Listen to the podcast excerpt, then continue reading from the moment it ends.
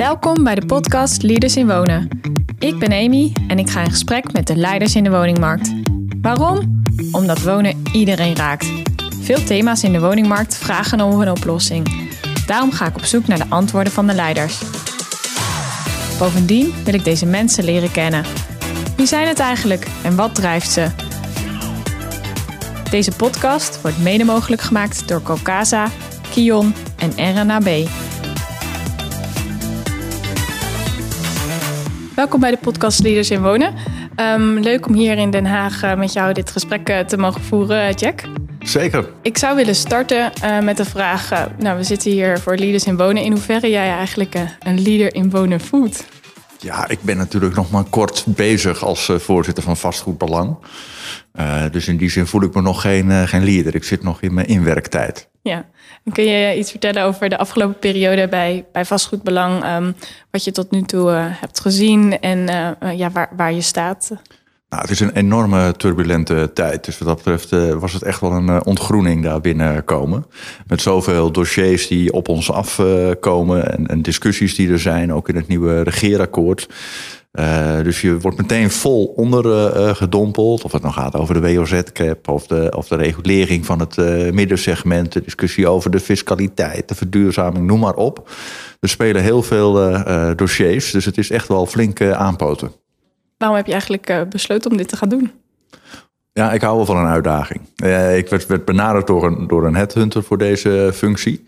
En ik had uh, besloten in uh, 21 om na tien jaar directie en een paar jaar ook CEO van Hille Nolten. Eh, dat ik dat wel gezien had. Ik wilde nog wel puur klantwerk doen, maar wilde daarnaast meer maatschappelijke dingen doen. Dat begon in dat jaar in januari met het voorzitterschap van de Raad van Toezicht van het Nederlands Veteraneninstituut. En toen kwam dit op mijn, mijn pad. En ik dacht van ja, dat vind ik eigenlijk uh, wel, wel uitdagend. Ik heb natuurlijk wel even Maxime gebeld, ook eerder in deze podcast. van, joh, vastgoed belang, hoe typeer jij die, die club? Nou, ik kreeg van hem wel een positief pre-advies. Jan Kamminga was mijn, mijn voorganger, dus die heb ik natuurlijk ook nog gesproken. Ja, en er speelt natuurlijk heel veel. En, en er is natuurlijk een enorm imagoprobleem voor de particuliere belegger. Nou ja, dat is wat ik doe hè, eh, in mijn eh, werkzame leven. Omgaan met eh, reputaties beschermen en weer, weer bouwen.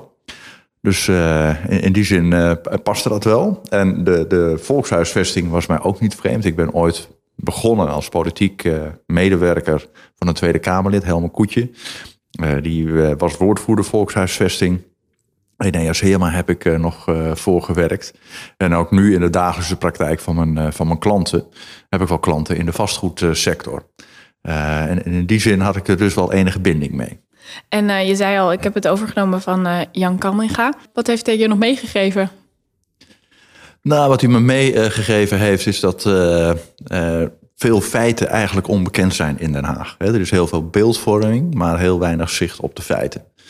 En dat is mijn stelling ook altijd. Beeldvorming kun je het beste bestrijden met, uh, met de feiten. Uh, en we zijn echt een ledenorganisatie. Hè? Dus zij raden me ook wel aan, ja, hou goed voeling en binding met de leden. Zodat datgene wat jij naar voren brengt in Den Haag of in discussies, dat dat wel ook gedragen wordt door de leden. En hoe heb je dat de afgelopen maanden gedaan? Nou, het is uh, natuurlijk een uitdagende tijd geweest met alle coronabeperkingen. Uh, dus uh, de regionale ledenvergaderingen, ja, die gingen soms wel, soms niet door. Maar dat is natuurlijk wel de bedoeling, hè, dat je de, regio op in gaat, daar de leden spreekt. Dus ik ben in Groningen geweest, ben in Deventer geweest. Het zuiden heb ik dan online gedaan. Uh, hier uh, Den Haag heb ik online gedaan. Uh, we hebben onlangs weer een bijeenkomst kunnen hebben van het platform. Hè. Dat zijn de, de 50 grootste leden die zich apart ook hebben georganiseerd. Dat zijn echt de grote spelers in de markt. En dan heb je dus discussie en gesprek met elkaar. en kom ik weer op nieuwe ideeën en gedachten. Kan je al iets meer vertellen over de ideeën en gedachten die je nu hebt? Nou, er spelen heel veel uh, dingen. Een, een, een, belangrijk ding wat natuurlijk nu speelt, uh, is de regulering van het middensegment. Uh, en het is on, onmiskenbaar zo dat er een uitdaging is voor, de, voor de middenhuur, voor de agent en de verpleegster waar iedereen het dan, dan over heeft. Alleen vinden wij als particuliere beleggers wel dat als je met dwang van bovenaf dat verplicht gaat, gaat reguleren, ja, dan grijp je eigenlijk natuurlijk in op het, op het recht van eigendom.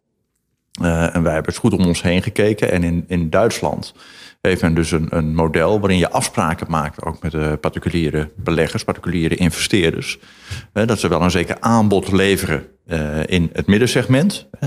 daarvoor bouwen, woningen realiseren, ook met de transformatie. En dan voor 20 jaar bijvoorbeeld maak je het afspraak over die huur. je weet wat een redelijk rendement is. Hè. Daar heb je een benchmark voor in de markt. En dan krijg je eigenlijk voor dat deel wat je dus misloopt. Uh, compensatie van de, van de overheid. Nou, dat is een van de voorstellen die wij ook gaan doen vanuit vastgoedbelang. Om wel ook met die overheid in gesprek te blijven en onze bijdrage te leveren. Want op het moment dat je het allemaal stapelt, alle maatregelen die, die we nu hebben. Ja, dan zul je gaan zien dat heel veel particuliere beleggers hun bezit gewoon gaan, gaan verkopen. Ja, en dan wordt de particuliere huursector, die bij uitstek al de kleinste is van Europa hier in Nederland, wordt, wordt nog kleiner. En dat flexibele segment heb je ook nodig in de markt. Je zegt het is de kleinste in Europa. Waarom is dat dan nu zo? Ja, wij we hebben in Nederland gewoon een hele kleine particuliere huursector. We hebben natuurlijk echt een corporatieland. Dus het gros van de huurwoningen is in het bezit eh, van, de, van de corporaties.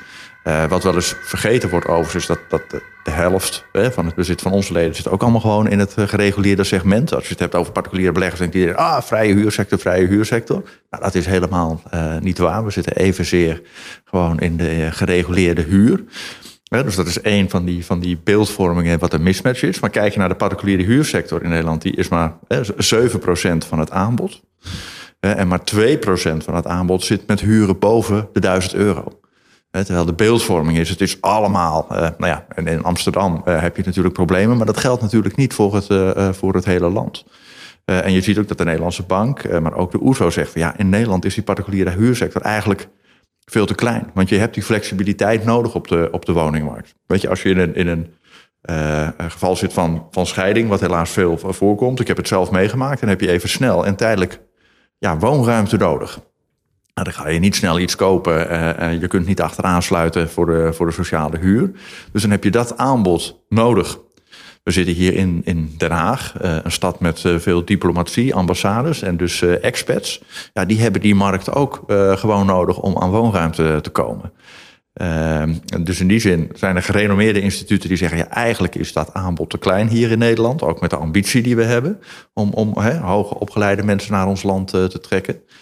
Dus daar vragen we ook wel aandacht voor. Dus eigenlijk heb je het nu over twee zaken. Want het aanbod is te klein. En je hebt eigenlijk build to let en buy to let. En het moeilijke zit misschien natuurlijk in als er woningen van de koopwoningmarkt gekocht worden en dan in de huursector terechtkomen, omdat het aanbod al zo klein is.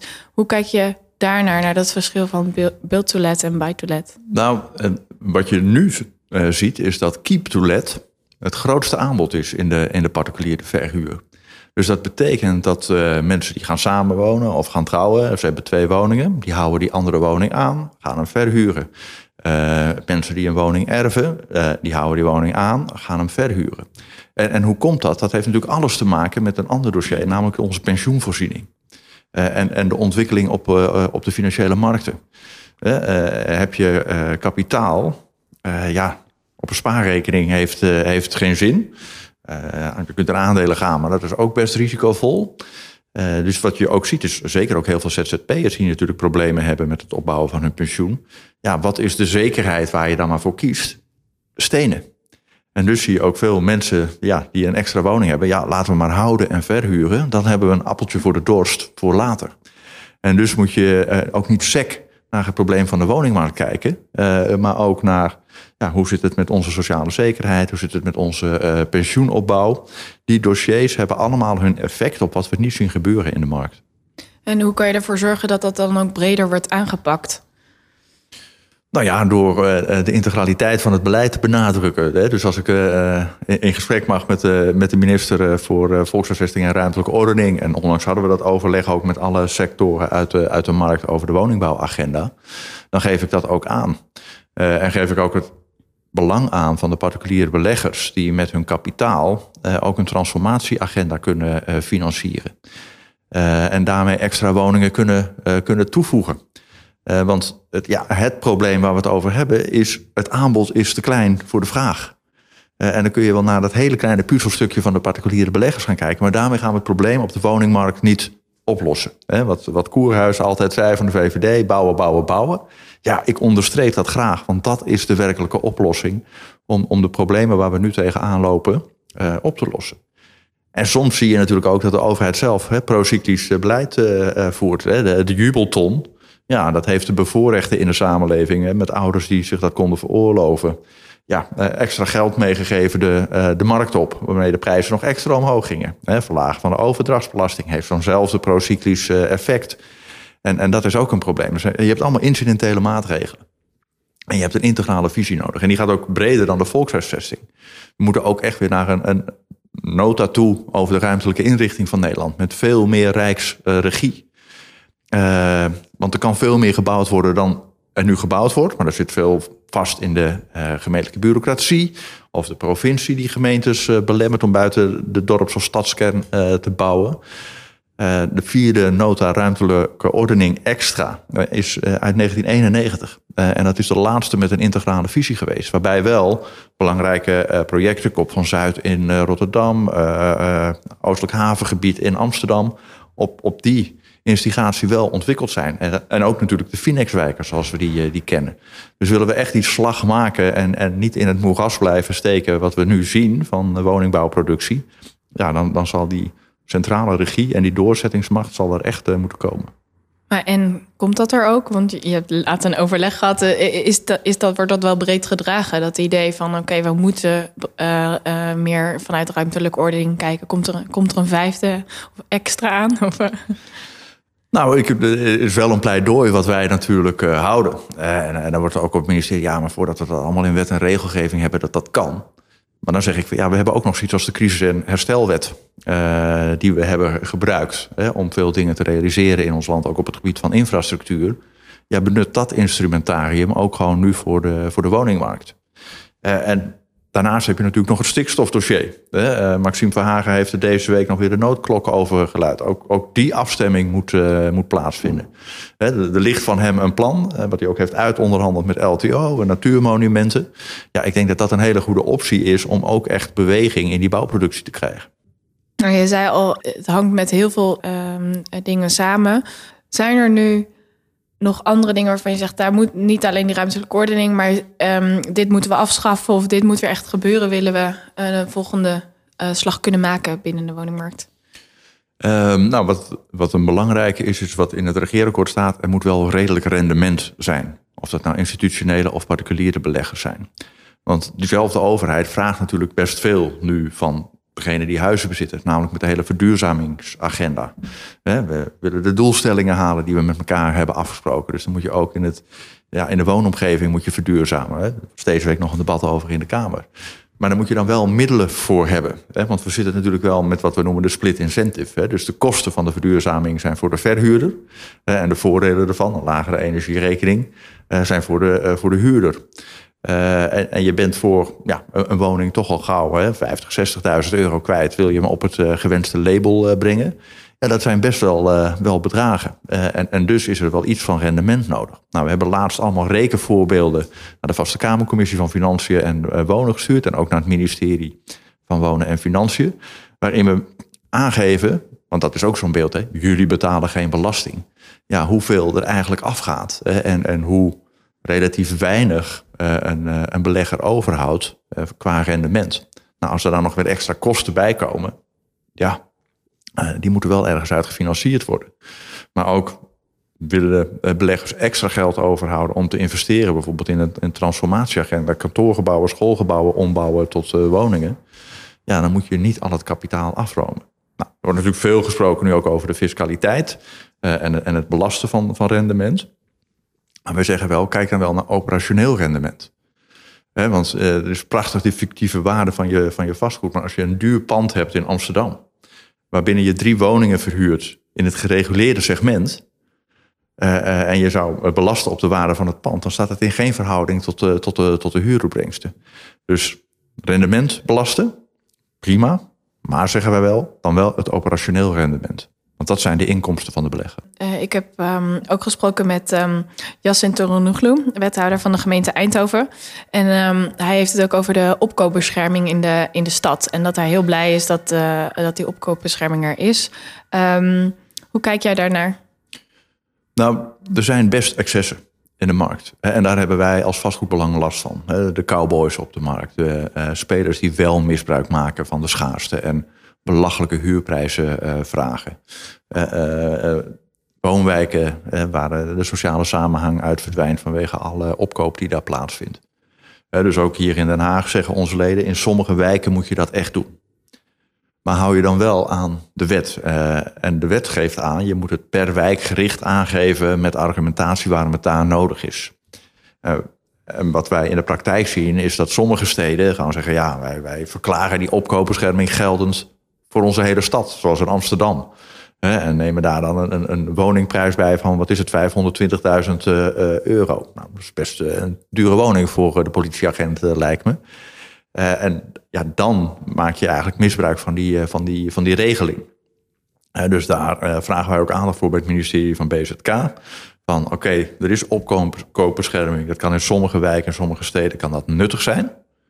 En wij willen ook hè, dat het kaf van het koren gescheiden wordt. Dus daarvoor zijn we ook voorstander van dat wetsvoorstel goed verhuurderschap. En, en, een verhuurvergunning. we moeten echt de slechte spelers uit de markt weren, want daar hebben wij ook last van.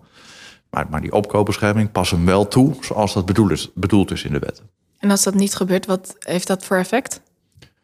Nou ja, dan zet je de boel dus op, op slot. Dan kan uh, iedere woning alleen maar voor een nieuwe eigenaar worden uh, verkocht. En dan zul je ook zien dat bijvoorbeeld die verduurzamingsagenda heel lastig van de grond komt omdat iemand die iets koopt tegenwoordig, die krijgt maar een maximaal uh, hypotheek, afhankelijk van de taxatiewaarde. Uh, er wordt natuurlijk steeds naar je inkomen gekeken. Dus daar zit vaak niet extra ruimte in qua investeringen. En dan moet je al zelf het kapitaal meebrengen. Nou, dat geldt niet voor starters op de woningmarkt dat ze dat hebben. Die hebben eerdere studieschuld als, als ze beginnen. en dus heb je dus ook voor die aanpassing, verduurzaming, investering in het woningaanbod al is het voor een tussenfase ook die rol van de beleggers nodig. Eigenlijk is het um, wel van belang dat die particuliere vastgoedbeleggers er zijn, omdat zij ook kunnen helpen bij de verduurzamingsopgave, zeg je. Ja, en, en met het uh, toevoegen van woningaanbod. Je hebt in Amsterdam tal van huizen, hè, eerste etage, tweede etage en op de derde etage heeft iedereen een zolderkamer. Wat dan gedeeld is, dat is vaak geen effectieve ruimte. Nou, dan, dan, worden daar drie woningen van, van gemaakt. Nou ja, dan heb je dus wel kapitaal voor nodig om die investering te doen. Maar dan heb je wel weer een extra woning erbij. Ik heb in mijn vorige interview uh, Merlin van den Berg gesproken van HDN, een hypotheekdatanetwerk. En zij um, zijn er vooral voor de koopwoningenmarkt. Zij heeft een doorgeefvraag voor jou. En ze wil weten welke drie instrumenten er zijn. Je ziet voor beleggers, gemeentes, investeerders om het uh, middensegment ook te kunnen verbeteren. We hebben het misschien al een beetje genoemd. Zijn er nog uh, punten waarvan je zegt dat moeten we echt toevoegen? Nou, dus wat, wat van belang is, eh, zorg dat je in de fiscaliteit zorgt dat er voldoende rendement is om ook de investeringen te doen voor de verbetering van dat woningaanbod. Wij houden het pleidooi voor het Duitse model. Maak met ons afspraken over uh, de gereguleerde woningvoorraad. Dat we die leveren, dat we voor uh, 10, 20 jaar de huur uh, daar vasthouden. maar doe dan net in, Duitsland, afhankelijk van het rendement, een eh, compensatie van, van de overheid. Dus dat, dat is een, een, een goed middel. En, en, laten we komen tot integraliteit van maatregelen. En, en, niet de stapeling zoals we die nu zien met ook weer een WOZ-cap. die ook weer inwerkt op, op de huurprijs en het rendement. Zijn er andere punten waarvan je zegt dat moet ik eigenlijk nog wel echt benoemen bij dit onderdeel? Nee, ik denk dat we de, de, de meeste uitdagingen die nu op ons afkomen wel, uh, wel aan de orde hebben gehad. Ja. Zijn er geluiden die je eigenlijk veel te weinig hoort in de markt? Want bouwen, bouwen, bouwen, die spreuk kent iedereen wel. Maar wat, wat zou een nieuwe spreuk moeten zijn die we erbij moeten toevoegen? Uh, pak de bureaucratie aan. Weet je, want dat zie ik met, met, met klanten die lokaal actief zijn uh, en projecten willen ontwikkelen. En er zou al veel meer aanbod kunnen zijn. Eh, maar je bent 7, 8, 9, 10 jaar bezig in dit land voordat je een project realiseert. Er is een heel groot uh, NIMBY-gehalte, not in my backyard. De inspraak is goed geregeld. Maar wie hebben geen stem in die hele discussies over bestemmingsplannen of projecten? Dat zijn de nieuwe bewoners. Uh, en daar moet dus veel meer aandacht voor zijn. En ik zou dus zijn voor een versnelling van de procedures en dus die landelijke regie om de bouwproductie echt tot stand te brengen. Nou, je hebt zelf uh, heel lang aan die andere kant gezeten. Wat is daarvoor nodig om dat voor elkaar te krijgen? Nou ja, wat, wat ik zei, een, een, het, wettelijk instrumentarium met de crisis- en herstelwet uh, ligt er eigenlijk al. Uh, maak daar gebruik van. Ik heb liep zelf nog in de politiek rond. toen we daar mee bezig waren. we hadden al jarenlange discussies in het land over de A4 Midden-Delfland. Werd van alle kanten tegengehouden. Weer Raad van State, hou maar op.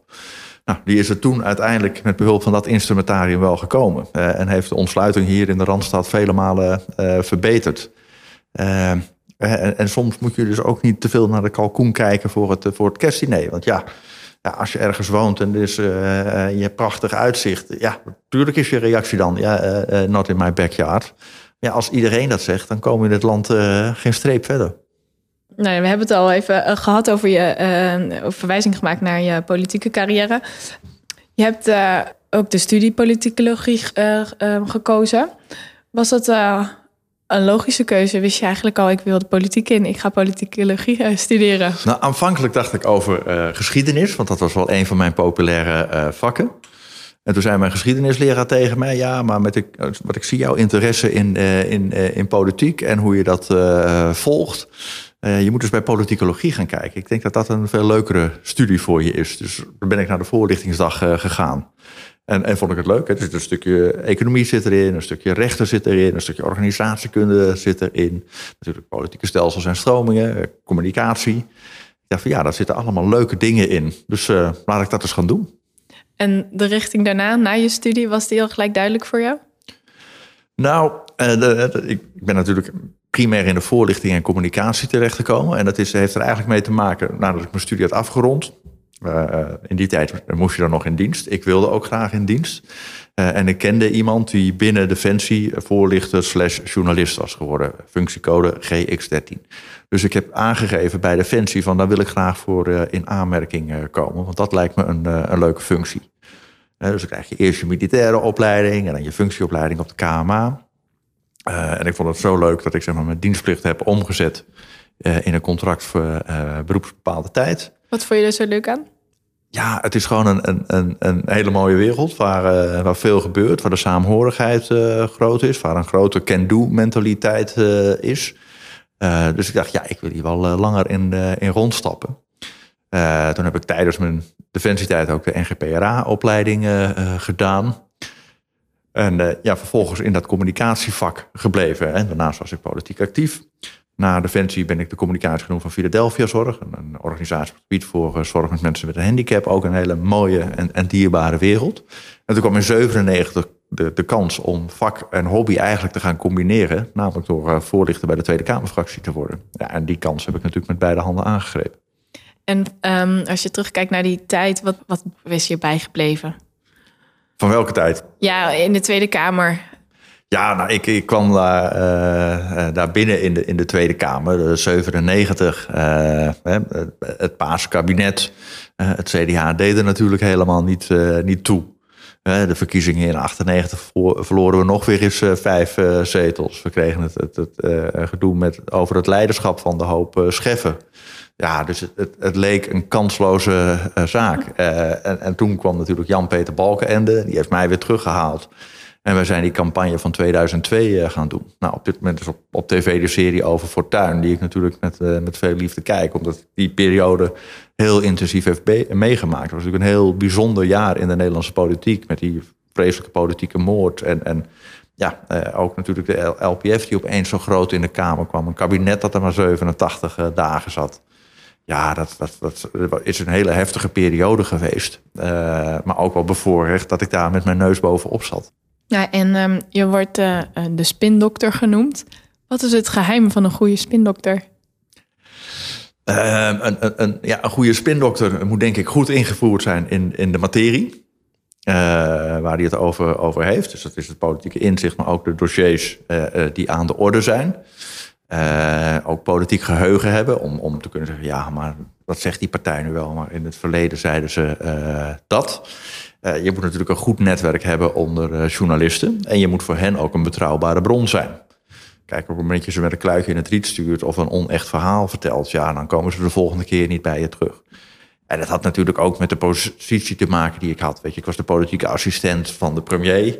Ja, uh, dat is natuurlijk wel, wel interessant. Dus daar heb ik ook gewoon voordeel mee gehad dat ik op een gegeven moment dat stempeltje opgeplakt kreeg van de zwindokter van, van Nederland. ja, en het blijft bijzonder dat, ja, ik ben al heel lang weg uit de politiek, hè, nu al twaalf jaar. Ja, dat, je hebt nog, steeds de titel. Dat, ja, dat ik hem nog steeds heb en ook nog steeds regelmatig wordt gevraagd om, om dingen te analyseren en becommentariëren waar het politiek aangaat. Dus ja, dat is leuk. En ehm, heb jij van iemand de kneepjes van het vak geleerd? Of heb je het jezelf aangeleerd? Ja, het is natuurlijk door, door schade en schande wijs worden. Ik, ik heb in die voorlichtingsperiode echt wel momenten gehad dat, ik dacht van... oh jee, heb ik dit wel goed aangepakt? Noem er eh, eens één. Nou ja, het is natuurlijk heel spannend dat je op een gegeven moment ook voor een partijleider gaat uh, spreken. Hè? Dus eh, in mijn geval begon dat met de hoop Scheffer. Uh, dat je dan de volgende ochtend naar de deurmat toe rent om in de krant te kijken of het er, of het er wel goed staat, of je het wel goed hebt, hebt gedaan. Of dat je toch weer iets te veel hebt, hebt verteld. Dus, maar is dat wel eens gebeurd? Dat je dat moment had van, oh, volgens mij heb ik hier iets... Dat had ik handiger kunnen doen. Ja, die, die, die momenten zijn ongetwijfeld regelmatig uh, geweest. Maar de praktijk is toch wel de beste leerschool wat dat betreft. ik heb natuurlijk een, een, een, tijdje ook mogen samenwerken in de fractie met Hans Hille. een oud journalist, daarna Kamerlid. die ook zeer bedreven was in, in hoe ga je om met, met de media...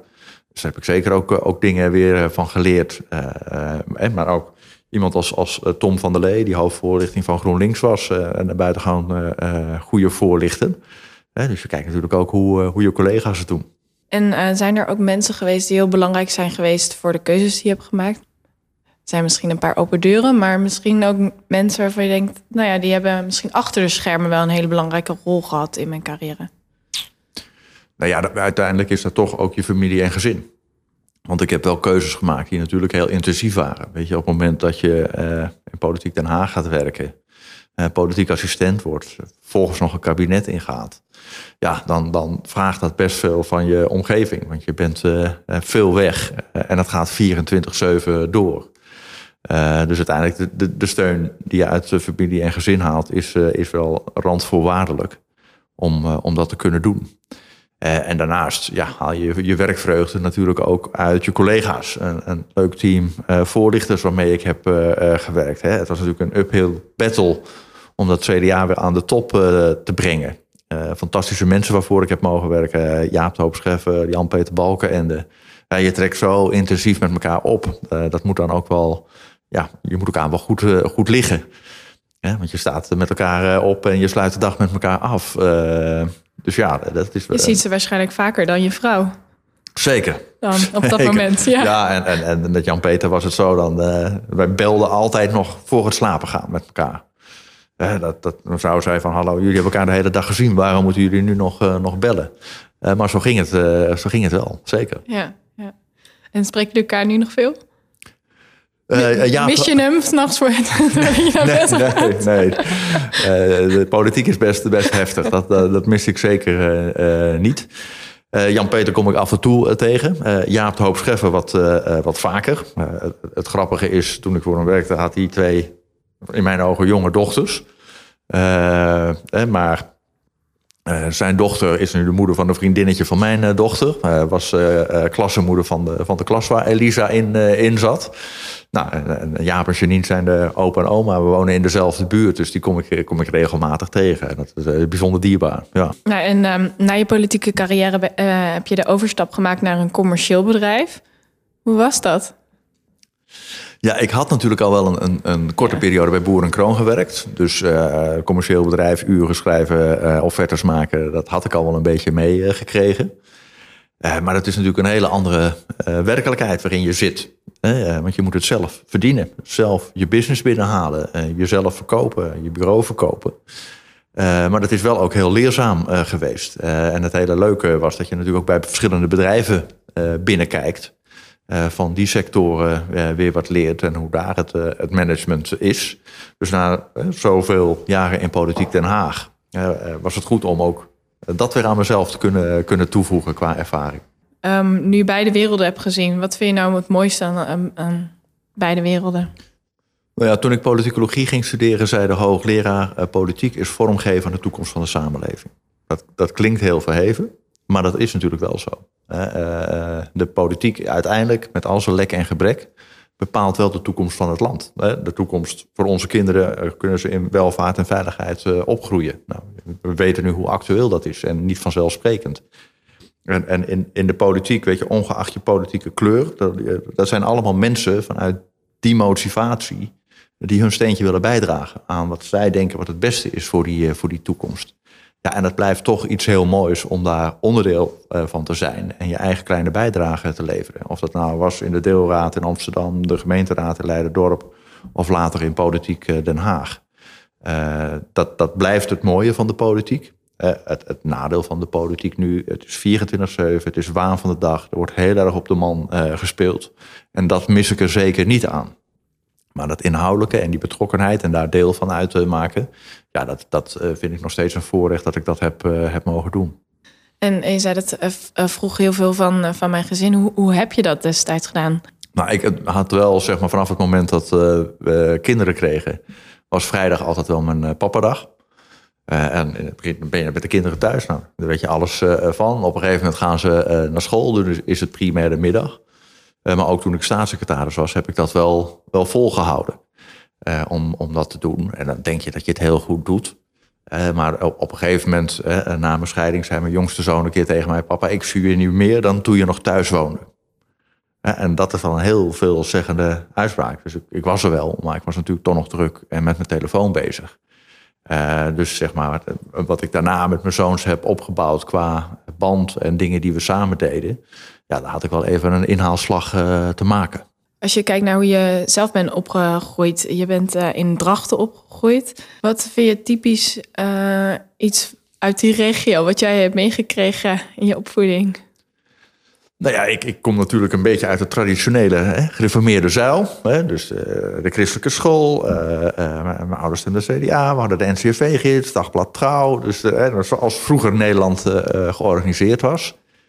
Mijn ouders waren zeker niet politiek actief. Uh, maar wat ze wel allebei hadden was een grote maatschappelijke betrokkenheid. Uh, met uh, vrijwilligerswerk op, op school. Het zijn van leesmoeder, actief in de kerk, evangelisatiewerk. ook voor mensen die het minder hadden. dus die maatschappelijke betrokkenheid. En het besef, je bent er niet alleen voor jezelf, maar je moet ook iets voor een ander doen en voor de samenleving doen. En mijn vader was een groot fan van, uh, van Kennedy, die dat natuurlijk ooit zei: hè, vraag niet wat de overheid voor jou kan doen, maar wat jij voor het land uh, kan doen. Uh, dat is wel een element wat ik nadrukkelijk heb meegekregen in mijn opvoeding. En wat geef jij zelf mee aan je kinderen? Ja, ook wel dat, dat, datzelfde. dat, dat het heel belangrijk is om niet alleen voor jezelf te leven, maar ook oog en oor voor anderen te hebben. dat, dat geld verdienen leuk is, maar niet zaligmakend. En het is natuurlijk prachtig om te zien hoe je kinderen zich ontwikkelen. Die zoons van mij zijn nu 21 en 19, wat voor weg ze inslaan en hoe ze in het, in het leven staan. Ja, en dan ben ik eh, een super trotse papa. En hoe staan zij in het leven? Wat, wat valt je op als je nu kijkt naar, naar de jeugd? Um, nou, ik, er komt natuurlijk heel veel op de jeugd uh, uh, af. Uh, qua verleidingen en zo. En, en internet en al dat soort dingen die we in onze jeugd niet hadden. Ehm, dus ja, eh, eh, hoe blijf je gemotiveerd en ga je toch ook goed een, een, een studie doen en je daarvoor inzetten. Uh, maar het mooiste vind ik dat ze ook gewoon hele sociale mensen zijn. weet je, we hebben nu een samengesteld gezin. dus er is er ook nog een van 12 en een van 10. En, en, en mijn dochtertje van, van 7. Uh, en als ik zie hoe die oudste jongens altijd tijd en aandacht hebben voor die andere kinderen, altijd bereid zijn om een spelletje te doen. En, ze hebben nu een rijbewijs om mee te gaan naar de manege of naar de hockey of, of noem maar op. dus dat, uh, ondanks het feit dat ze niet meer thuis wonen, toch op die momenten, die weekenden dat ze er zijn, één gezin vormen. Uh, en het ontzettend goed hebben met elkaar. Ja, dan, dan ja, hebben we het goed voor elkaar. Ja, mooi. Jouw privéleven is ook best veel in het nieuws geweest. Hoe ga je daarmee om als spindokter of communicatie, man in de communicatie? Want dat lijkt me niet altijd makkelijk. Nee, uh, dat is echt wel een, wel een, wel een keerzijde. Uh, het was natuurlijk een hele heftige periode toen in 2010, hè, toen naar buiten kwam dat ik een relatie had met, met Melissa. En dan ben je opeens ja, doelwit van de roddelbladen, word je achtervolgd door fotografen, liggen de camera's in de bosjes.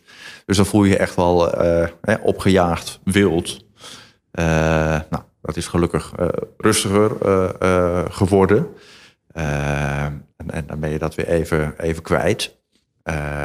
nou, uiteindelijk is Melissa natuurlijk in 2017 overleden. Ja, dat was natuurlijk buitengewoon heftig. Je hebt op dat moment samen een dochtertje van, van twee. En toen heb ik ook gezegd, ja, ik, moet mijn leven nu echt anders inrichten. Dus nevenfuncties die ik had, heb ik opgezegd. Het was puur het, gezin, de kinderen en uh, nog mijn werk bij, uh, bij Hille Nolten. Uh, en dan weet je wel echt wat, wat de prioriteiten zijn in je leven. Dan leer je trouwens ook heel erg kennen hoe belangrijk vriendschappen zijn en, en mensen die je steunen. dus het was een, een verdrietige tijd, maar ik heb er ook wel hele mooie dingen uit opgedaan.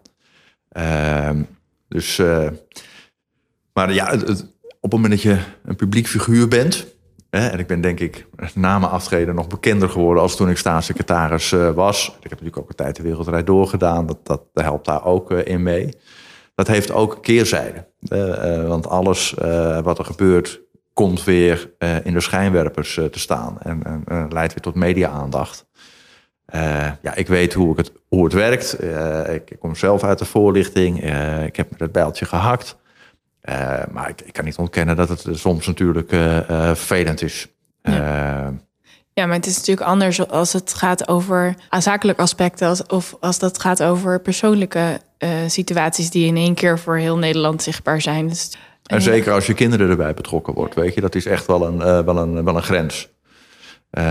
dan, dat, dat wil je niet. Hè? Dat je denkt gewoon met je zoon naar het voetbal te gaan en vervolgens blijkt daar uh, worden daar ook foto's uh, gemaakt. Dan heb je zoiets van, ja, weet je, ik ben degene die hier verantwoordelijk voor is. Pak mij aan, spreek mij aan. Maar blijf weg bij mijn kinderen. Ja, dat snap ik heel goed. Ja.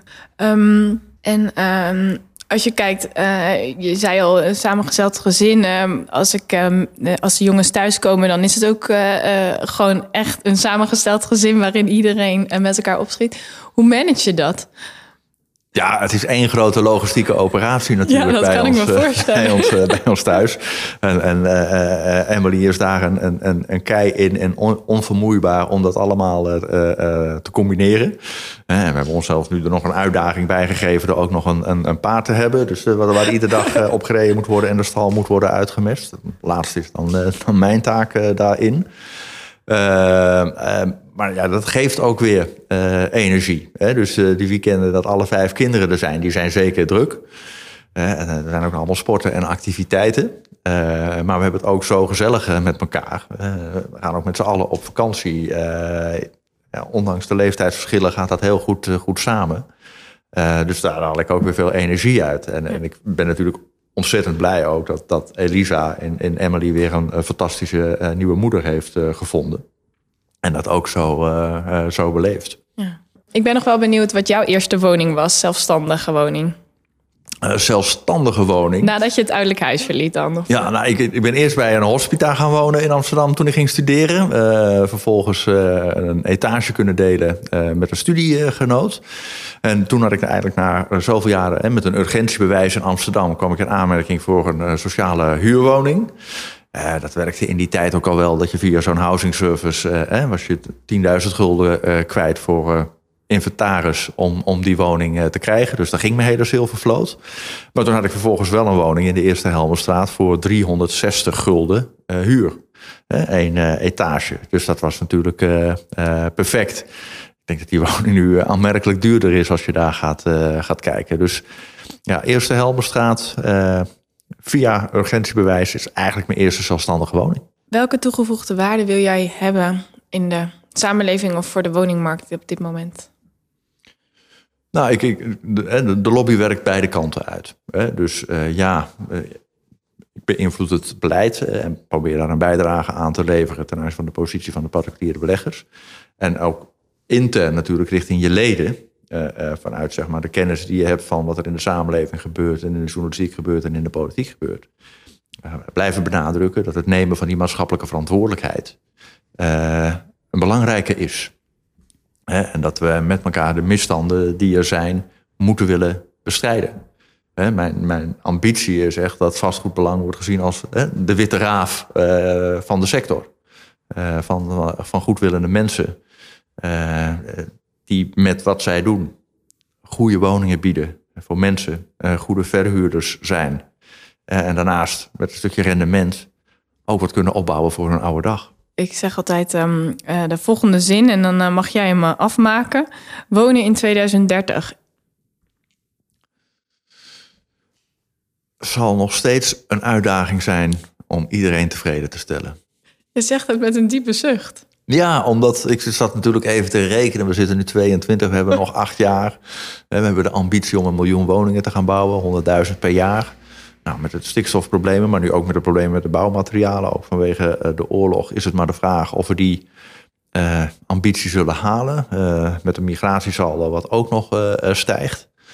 en ik zeg het met een zucht, want ja, over die acht jaar is, is Joram 29, Timon, even kijken, 19 plus 8 is 27. dat zijn dan waarschijnlijk de starters op de woningmarkt. En, en hebben zij dan kans op die woning? Dus een van mijn ambities is om in de rol die ik heb bij vastgoedbelang uh, een bijdrage te leveren dat die productie er wel komt, met behulp van de particuliere beleggers, zodat zij straks een woning hebben. Dankjewel voor dit mooie gesprek waarin je heel open bent geweest en waarin je vol energie je ambities uitspreekt voor vastgoedbelangen. En ik denk dat ze mooi iemand aan boord hebben gehaald om, uh, om die belangen ook neer te zetten in Den Haag. En nou, heel veel succes de komende tijd met, je, met je rol bij vastgoedbelangen en alle andere dingen die op je pad komen. Dankjewel, was leuk om te doen. Leuk dat je luisterde naar de podcast Leaders in Wonen. Voordat we afsluiten wil ik graag de partners van deze podcast bedanken. Calcasa, Kion en RNAB. Vergeet je niet te abonneren bij Spotify of Apple. Tot de volgende aflevering.